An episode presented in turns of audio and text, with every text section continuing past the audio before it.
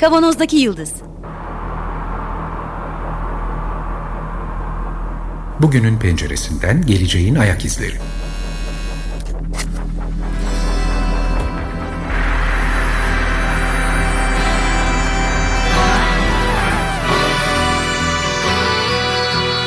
Hazırlayan ve sunanlar İsmail Başöz, Haluk Levent, Mustafa Yılmazer ve Fethiye Erbil. Zorlu Holding Sürdürülebilirlik Platformu Akıllı Hayat 2030, herkes için daha yaşanabilir bir dünya diler. Merhabalar, Açık Radyo'dayız. 94.9 Kavanoz'daki Yıldız programında sizlerle beraberiz yeniden. Geleceğin ayak izlerini sürmeye devam ediyoruz. Geçtiğimiz hafta dünya üzerindeki neuroscience alanındaki önemli teknolojik gelişmelerden birini konu etmiştik. Sohbetini yapmıştık. Konuğumuz Özge Yılmaz'dı. Konuk demeye de dilim varmıyor. Eski programcı arkadaşlarımızdan çok eskiden. Ama bugün de katıldığın için artık Özge hoş geldin ama konuk... Evet ben, ben bir kere geliyorum sonra benden kurtulamıyorsunuz. Ben demirbaş gibi oldum As, sonra. asli, o yüzden asli kadroya aldık seni. Tamam. Tamam, Evet. da konuk değil. Özge burada, Haluk burada. Mustafa ipe serdiği unları temizlemeye çalışıyor. O gelmedi. Çok iş var. Etiğinde çok taş varmış. Onlarla uğraşıyor şimdilik. Ama konumuzu duyunca çok kıskanmıştı. Neyse artık kendisi programdan dinler. Yapacak bir şeyimiz yok. Şimdi geçen hafta Elon Musk'ın kafatasına yerleştirdiği, elektrotlarını beynin içine yerleştirdiği bir implanttan bahsetmiştik. Bu implantın beynin içindeki dalgaları okuyarak olup biteni kaydettiği, 12 saatte bir şarj edilmesi gerektiği bu arada gibi bilgileri söylemiştik. Bir gazoz kapağı büyüklüğünde bir implantı kafatasının o kadar geniş bir bölgesinin kesilip çıkarılarak o bölgeye yerleştirilmesi şeklinde oluşan bir uygulamaydı. Hatta bunun bu implant yerleştirme işleminin de çok rahatlıkla yapılabilmesi için ameliyat ro- robotunu da hazırladıklarını söylemişlerdi. Böylece belki yarın bir gün garajlarımızda bunu yapabilecek hale geleceğiz. Değil mi? E, garajlarımız derken sizin garajınız yoktur tabii. Benim var. Üç tane borçum var. Onun için teknolojiden de Benim garajım yok. Benim garajım olmadığı için hiçbir zaman teknoloji alanında bir öncü birisi olamayacağım. ya işte şeyde bir, neydi onun adı? Facebook falan da kuramayacaksın. Hiçbir şey. Gerçi Evet, garajlar Otoparkım bile yok. Arabayı sokağa park ediyorum. Benim arabam da yok. Vatan sizden ne bekler? Peki. Şimdi geçtiğimiz hafta konuşurken neuroscience alanında, bilim alanında önemli bir gelişme olduğunu söyledim. Şey, e, önemli bir gelişme olmadığını ama teknolojik alanda önemli bir gelişme olduğunu söylemiştik. Buradaki bu ayrımın üzerine durmak istiyoruz bugün. Çünkü aynı zamanda buradaki bu gelişme aslında bilim temelli olan bu gelişme başka dillerde, başka insanların söylemlerinde magic bir olgu olarak da kullanılıyor. Hatta komplo teorilerine de malzeme ediliyor.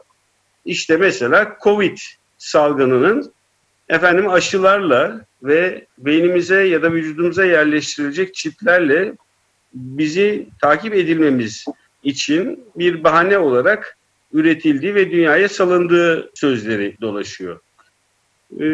Yani ne kadar makul geliyor size bilmiyorum ama bu tarafta en azından bu programı sunan insanlar tarafında bunun bir karşılığı yok. Size de herhalde biraz daha araştırıp okumak düşecektir. Bugün biraz işte bunun bu, bu teknolojinin bu beyne yerleştirilen çip ya da implant teknolojisinin bilimsel altyapısından bahsetmek istedik. Çünkü bahsedilen biçimde büyük hayallerin gerçekleştirilebileceği bir ortam olmadığını biliyoruz. Yıllardır yapılan bilimsel çalışmaların sonunda ulaşılan yerler buralar. Biraz bu beynin nasıl çalıştığını, beyindeki hücrelerin nasıl çalıştığını konuşmak istiyoruz. Girişi de ben yaptım, devamında ben yapacağım galiba. Sen başla biz geliyoruz. Peki. Ee, 24. yüzyıla geldiğinizde bana haber verin. ama senin Haluk, senin o filmlerde vardı öyle şeyler. Yani Yok. Deli misin? Yok. Ama ben şunu söyleyeyim. Baştan spoiler vereyim. Yeri geldiğinde anlatırım daha detaylı. Hoş bir şey değil. hoş bir Öyle şey. bir, bir başkasının zihnine erişmek bilmem ne. yapan açısından da hoş bir şey değil yani. çok çok örnek var. Tecrübeli bir e, bilim kurgu izleyicisi olarak bu örneklerden bahsederim. Peki. Merakla bekleyeceğiz. Ben sıkıcı kısmından bahsedeyim biraz. Peki bu bütün bu çalışmaların arkasında be, beynimizde ne olup bitiyor ki çok önemli bir kısmı daha henüz çözebilmiş değiliz ama çok da önemli adımlar atmış durumdayız. İlk başta beyin çalışmaları ilk başta hasarlı bölgeler ve beyinde hasarlı bölgelere sahip olan hastaların ya da sakatlanmış insanların verdiği reaksiyonları inceleyerek gerçekleştiriliyor ilk çalışmalar. Bunlardan bir tanesi Broca 1860 yılında sifilisli bir erkek hastasının, frengi hastasının bir süre sonra dili anlayabildiği, konuşulan dili anlayabildiğini ama konuşamadığını, konuşma becerisinin kaybolduğunu fark ediyor. Fakat aynı zamanda ses tellerinde de bir problem olmadığını çünkü mırıldandığı zaman ezgiler çıkarabildiğini görüyor. Konuşulanı anlıyor, verilen talimatı yerine getirebiliyor ama kendisi konuşamıyor. Ama bununla beraber çok ilginç olan yazarak da ifade edemiyor. Yani bu sadece bir konuşma yetisi değil, ifade yetisinin kaybolduğunu görüyor. Dili üretemiyor. Dili üretemiyor. Aynen Evet. öyle. Bu hastanın ölümünden sonra yapılan otopsisinde beynin sol yarı küresinin ön kısmında hasar olduğunu tespit ediyorlar. Ve buna bağlı olarak da ifade kısmının, konuşma demek doğru olmayacak değil mi bu durumda Özge? Yani dili üretebilen kısmın, ifade kısmının Evet, production yok yani. Dil Evet. prodüksiyonu yok. Üre- dil, dili üretemiyor, anlıyor ama üretemiyor. Evet bu beynin bu kısmını tespit ediliyor. Demek ki bir bölge var bundan sorumlu olarak. Otopsiden gördüğümüz kadarıyla beynin sol yarı küresinin ön kısmında ki Broca alanı olarak zaten ismini veriyor. Arkasından Evet. bir süre sonra Wernicke 1870 yılında 15 sene sonra o da başka bir hastada tam tersi bir bulguyla karşılaşıyor.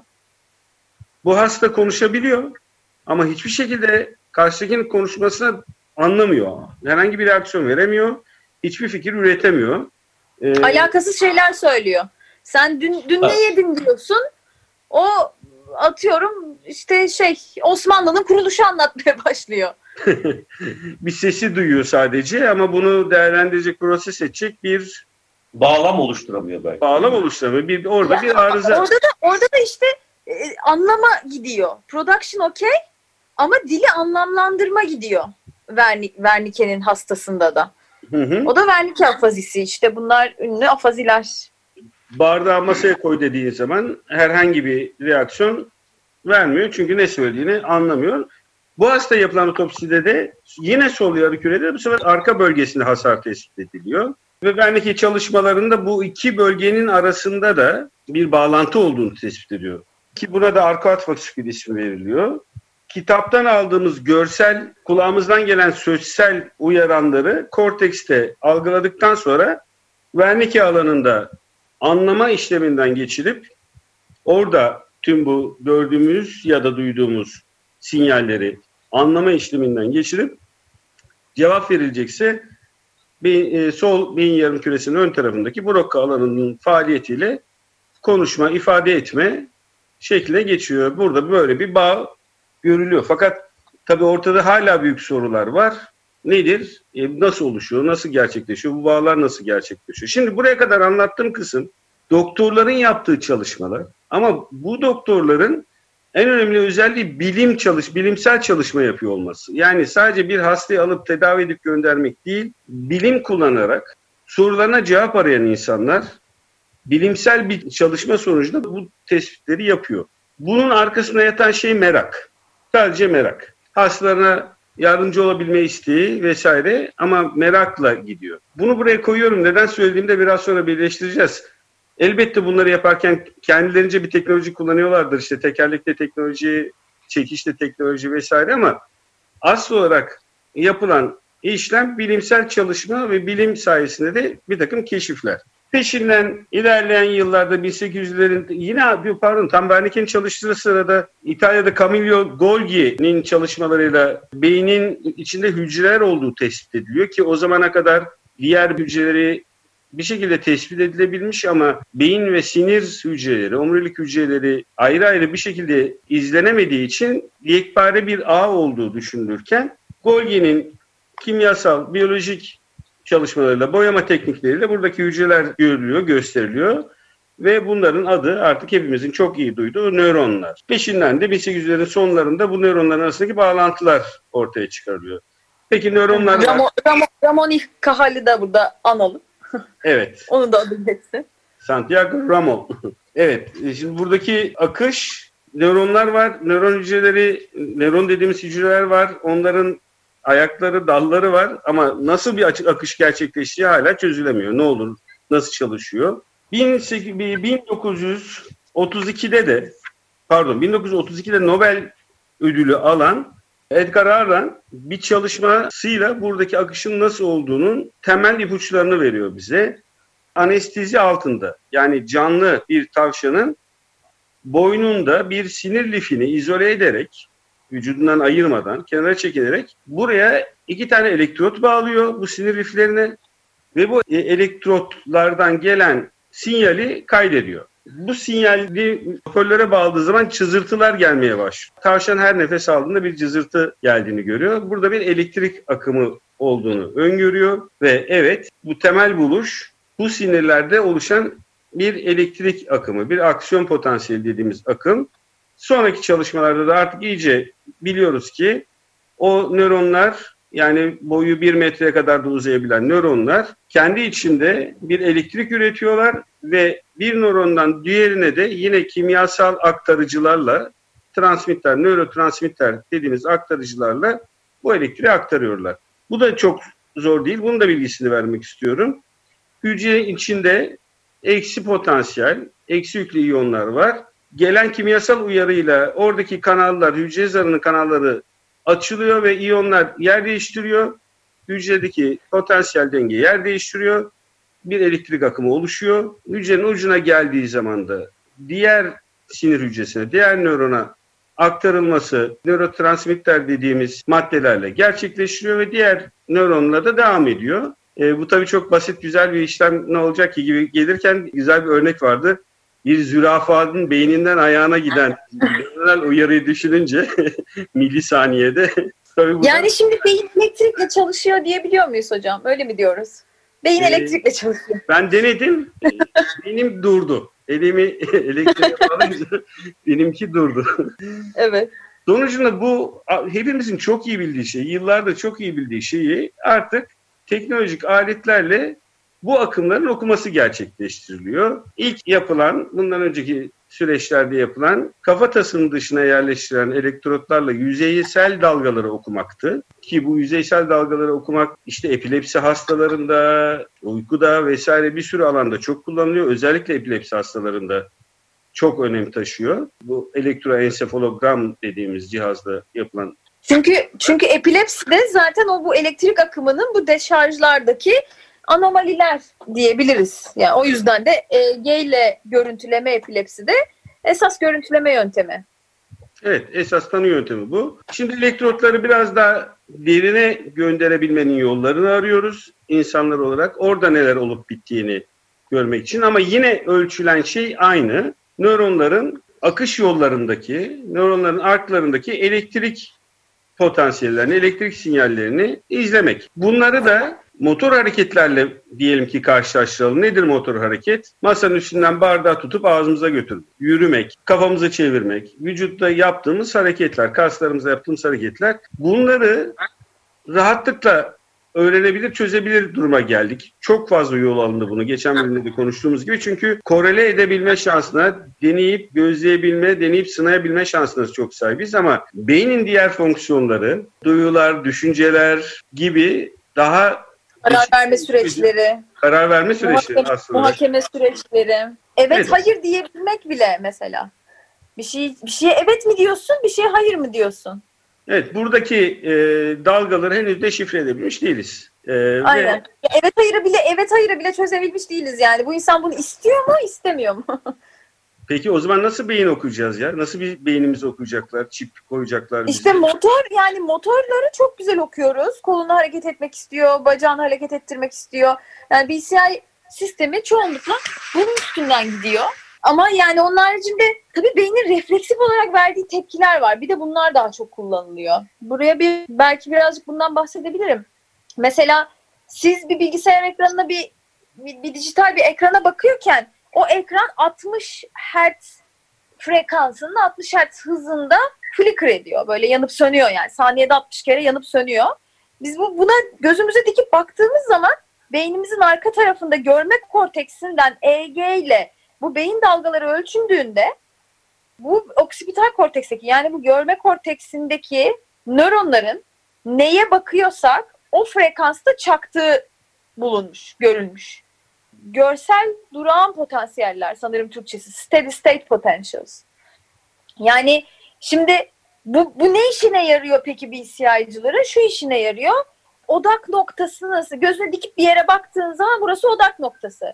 Bunun sağ tarafına farklı frekansta bir uyaran, sol tarafına farklı frekansta bir uyaran verdiğinde ve kişi bunlardan sadece bir tanesine dikkatini yoğunlaştırdığında ama gözünü çevirmeden fakat dikkatini sadece bunlardan bir tanesine yoğunlaştırdığında biz e, EG'ye bakarak aa sen sağdakine dikkat ettin sen soldakine dikkat ettin gibi falcı gibi böyle beyin okuyoruz işte e, tırnak işareti içinde beyin okuyoruz diyebiliriz ama işte dediğim gibi motor, el, kol bunları biliyoruz. Görsel durağan potansiyelleri biliyoruz. İşitsel durağan potansiyelleri biliyoruz. Ama bunun haricinde e, canım bugün kırmızı mı giymek istiyor yoksa pembe mi giymek istiyor? Bunu kimse benim beynimin içinden bu bilgiyi çıkarıp alamaz. Kimse kusura bakmasın. Bu yok yani. Ya gün boyunca bunu merak ediyorduk. Nasıl çözeceğiz şimdi? E, değil mi? Ne giy Hangi renk giysen bugün? Ya hani dediğim gibi yani evet hayır aç mısın? Aç mısın? Yani hani bunu bana birisi soruyor. Benim beyin dalgalarıma bakarak ben aç mıyım değil miyim bunu anlayamazsınız. Yapacak bir şey yok. O zaman devletin de bunu anlama ihtimali. Mesela benim komşumun kedisini çalma planımı devletin de e, anlayabilme ihtimali yok değil mi? Neyse bunu e, neyse aramızda kalsın tabii bu konuşma. Yeni çalmak istiyorsun. Aha kedi. Peki. Valla bu, bu bu meseleler aslında ne devlet açısından ne de e, bireyler açısından yani zihin okuma çok parlak bir iş değil. Çünkü zihin okun, okunuyorsa ne amaçlı yani birisi zihnimi okuyacak, beni de kontrol edecek falan. E o zaman şimdi şey vardı hani diyelim adam birini öldürüyor, tecavüz ediyor falan. Sonra mahkemeye gidiyor, şeytana uydum diyor. Şimdi bu birazcık indirim yaratıyor ama ya, bunlar böyle yaygınlaşırsa gidecek. E, vallahi ben kendim dedim benim beynimi kontrol ediyorlardı falan dedim. Bir top çıkacaksın yani. Cezasızlık durumuna geçme söz konusu olabilir. Tabii. İşin hukuki evet. boyutu çok bambaşka bir yer zaten herhalde. Evet. Onu hiç daha düşünmedik ama e, kendisi ya mesela, de kötü yani. Şeyde ben, e, benim işte bu pandemi dönemi pandemi araya girince e, yarım kalan bir proje başlangıcı çok başlangıcındaydım projenin. Ama tabii bu yine yapılmayan bir şey de değil. O yüzden rahatlıkla söyleyebilirim. Kimse çalmasın beynimin içinden çalamazlar zaten e, projemi. Bitkisel hayattaki hasta yani bitkisel hayat diyeyim e, kabaca komatos hastaların işte bir şekilde evet hayır diyebilmesini sağlamakla ilgili bir, bir, bir fikir var ortada. E, yani şimdi düşünce okumak niye işimize yarasın? Yani neden işimize yarasın? Bunun practical tarafı ne? Bence işte yine bu paralize ya da komatos hastaların hayat kalitesini arttırabilmek için ya da yani sağlıklı insanın yaşamını kolaylaştırmak için mi? Yani o da çok gerekli ve yaşamımızı kolaylaştıran bir sürü teknoloji beynimizi okumadan da hayatımıza ama, giriyor diye düşünüyorum. Ama işte ama, orada bir takım bir takım e, yetilerini kaybetmiş insanlar için çok büyük yaşam kalitesi arttırıcı teknolojiler olabilir bunlar. Bunlardan bu aralar Güven Güzeldere keyifle bahsediyor açık bilinç programında. Çok sevilen komplo teorilerinin bir kısmını oluşturuyor tabii bunlar da. Benim anlamadığım bir yandan bunu yapacak olan güçlere küfür ederek bir yandan da bunun yapılacağını kabul etme paradoksu da bana çok çekici geliyor her zaman. Sanki onlar yapacaklar, bunun için yapıyorlar. biz de teslim olacağız. Dili de var ortada garip bir şekilde. Neyse o arkadaşları da biraz kusura bakmasınlar bunun olabilme ihtimali gözükmüyor şey yakın zamanda ortalıkta. Hatta uzak zamanda da gözükmediğini söyleyen bilim insanları çokça var. Çaresi de var ayrıca. Yani istemiyorsan okunmasını X-Men'de vardı ya Mr. Magneto. O böyle kafaya bir tane metal bir şey geçiriyordu. Tamam. Evet, oradaki kestiğin anda ben kafama folyo sararım. Ben bizim hocanın EG amfisini e, çok e, gürültü kaydediyordu. Bir gün nörolojide çapadaki bir EG şey ya kayıt cihazının o kabloların girdiği amfi kısmı e, hoca şey metal folyoya sardı düzeldi. O yüzden kafamı metal folyoya sarıp düzelmesini umabilirim diye düşünüyorum. Bu komplo çok dayanıkları kalmadı. Hepsini bir bir kırıyoruz. Hepsini bir bir kırıyoruz. Büyük bir hızda ilerliyoruz. Bu, bu haftaki programımızı sosyal sorumluluk projesine ayırmış olduk. Yahu bizim gelecekte olanları çok tatlı tatlı heyecanlı anlat olacak olanları tatlı tatlı heyecanlı bir şekilde anlatmamız gerekirken insanların olması Evet. şeyleri çürütmekle vakit geçiriyoruz. Olacak şey değil. Şeyi de çürütelim, şeyi de çürütelim bir yandan. Elon Musk'ın geçen haftaki sunumunda Twitter'dan seyircilerden, dinleyicilerden bir tanesinden e, hafızalarımızı kaydedebilecek miyiz, anılarımızı kaydedebilecek miyiz gibi bir soru gelmişti. Elon Musk'tan Evet dedi. whole brain elektrod yapılırsa evet bu olur dedi. Yani oradaki o whole brain e, tüm beyin e, görüntüleme e, el- tüm beyin elektrod şeklinde o detayı atlamayalım ama o bile olsa anılarımızı kaydetmek ve onları replay etmek bence mümkün değil. Yok, e, sencelere sordum, sokağa çıktım. 100 tane bilim insanına sordum. Birine rastlamadım. Evet, oradaki çalışmayı çözmedik ki daha, çözülmedi ki o çalışma şekli. Çözülür mü? Yani zaten hafıza beyinde ha- hafıza tek bir merkezde, tek bir beyin bölgesinde depolanmıyor. Öğrendiğimiz hafıza C drive'ında değil yani. C ya da D drive'ında değil. Kesinlikle değil. Yani her nöronda ayrı ayrı kodlanıyor. Her nöronda de- değişikliklere sebep oluyor. Her öğrendiğimiz, her hafızaya attığımız şey. işte ilgili beyin bölgesinde ciddi değişikliklere sebep oluyor orada. Yani ayrı ayrı e, nöronal e, yapılarda kodlanıyor. Bunun böyle tek bir merkezi yok. E, o yüzden de o, o merkezi aldım, görüntüledim ya da stimüle ettim hafızaları canlandırdım tekrar replay ettim diye bir şey yok. Ha ama bu kadar çok negatif şey söyledikten sonra bir tane de pozitif belki araya sıkıştıralım. Memory modification diye bir şey var yani e, farelerde ve sıçanlarda denenen. E, memory modification'da bir anının hatırlandığı anda bir takım kimyasallar enjekte edildiğinde beyne bu anı silinebiliyor. Yani mesela bir fare bir labirenti öğrenmiş. Labirentin sonunda da şey var. Peynir var mesela ya işte peynir seviyorsa artık ne seviyorsa hayvan. Yiyecek var.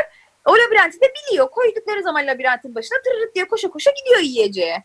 Hayvan labirentin başına koyuyorlar. Hayvan koşmaya başladığı anda bu kimyasalı beynini veriyorlar. Sanırım adı anizomisin de çok şu an yanlış söylemiş olmayayım. Enjekte ettiklerinde hayvan duruyor labirentin üstünde. Böyle kala kalıyor. Sağa bakıyor, sola bakıyor hiçbir şey hatırlamıyor labirentle ilgili. Eternal Sunshine of the Spotless Mind'da da buradan gönderme yapalım o filme. Yani insanlarda da bunun etik olarak tabii şöyle bir şeye dayıyorlar. Post travmatik e, stres bozukluğu, travma sonrası stres bozukluğu yaşayan insanlarda yaşadığı o travmatik olayı unutturacağız biz bunlara diye e, etik olarak da öyle bir dayanakla e, bir takım memory modification çalışmaları hala devam ediyor. Valla biz 40 yıldır yapıyoruz bunu. Liseden mezun olduktan beri. Lise anılarımız bu 40 yıl içerisinde 40 bin defa anlattığımız için orijinal anıyla bizim şimdi zihnimizdeki anı arasında hiçbir bağ yok. Aynen tabii canım o zaten herkes farklı bir şekilde hatırlıyor. O da hoş kanıtlandı oluyor yani. Aynı şeyi anlatıyoruz ama birbirinden farklı farklı şeyler. Evet çünkü o da şöyle anı her e, uzun süreli bellekten e, tekrar geri çekildiğinde hipokampüs tarafından böyle kısa süreli belleğe yani ben onu öğrencilere de şöyle anlatıyorum. Uzun süreli hafızanız e, şeyinizdir ne onun adı kütüphanenizdir işte kitaplığınızdır. Kısa süreli hafızanız da önünüzdeki çalışma masasıdır diye. Yani her uzun süreli hafızadan bir bilgiyi çekip çalışma masasının üstüne koyduğunuzda o e, zaten inanılmaz kırılgan o hafıza ve her geri çağırdığınızda e, uzun süreli hafızayı o, o bilgiyi geri atarken yani rekonsolide ederken değiştirip atıyormuşuz. Yani Haluk Hocam'ın dediği gibi hatırladığımız şu anda hatırladığımız hiçbir şey aslında öyle değil yani.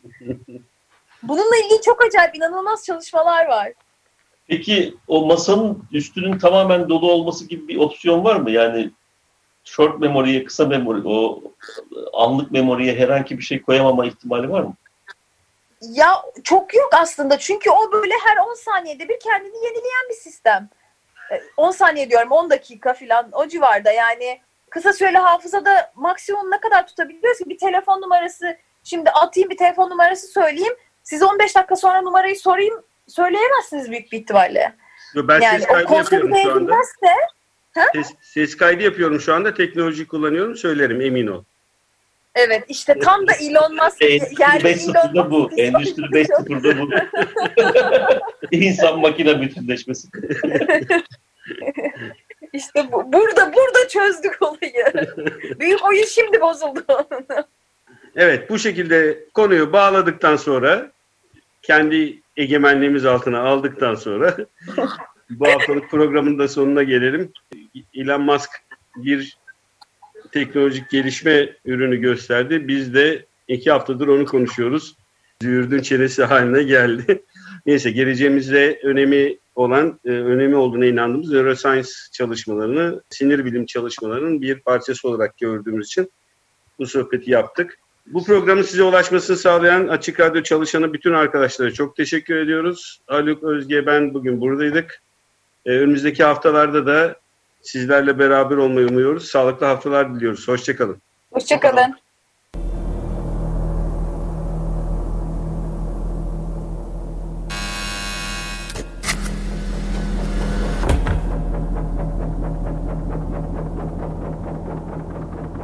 Kavanozdaki Yıldız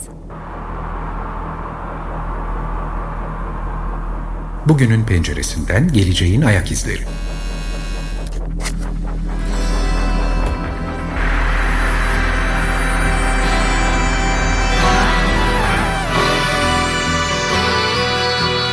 Hazırlayan ve sunanlar İsmail Başöz, Haluk Levent, Mustafa Yılmazer ve Fethiye Erbil. Zorlu Holding Sürdürülebilirlik Platformu Akıllı Hayat 2030 sundu.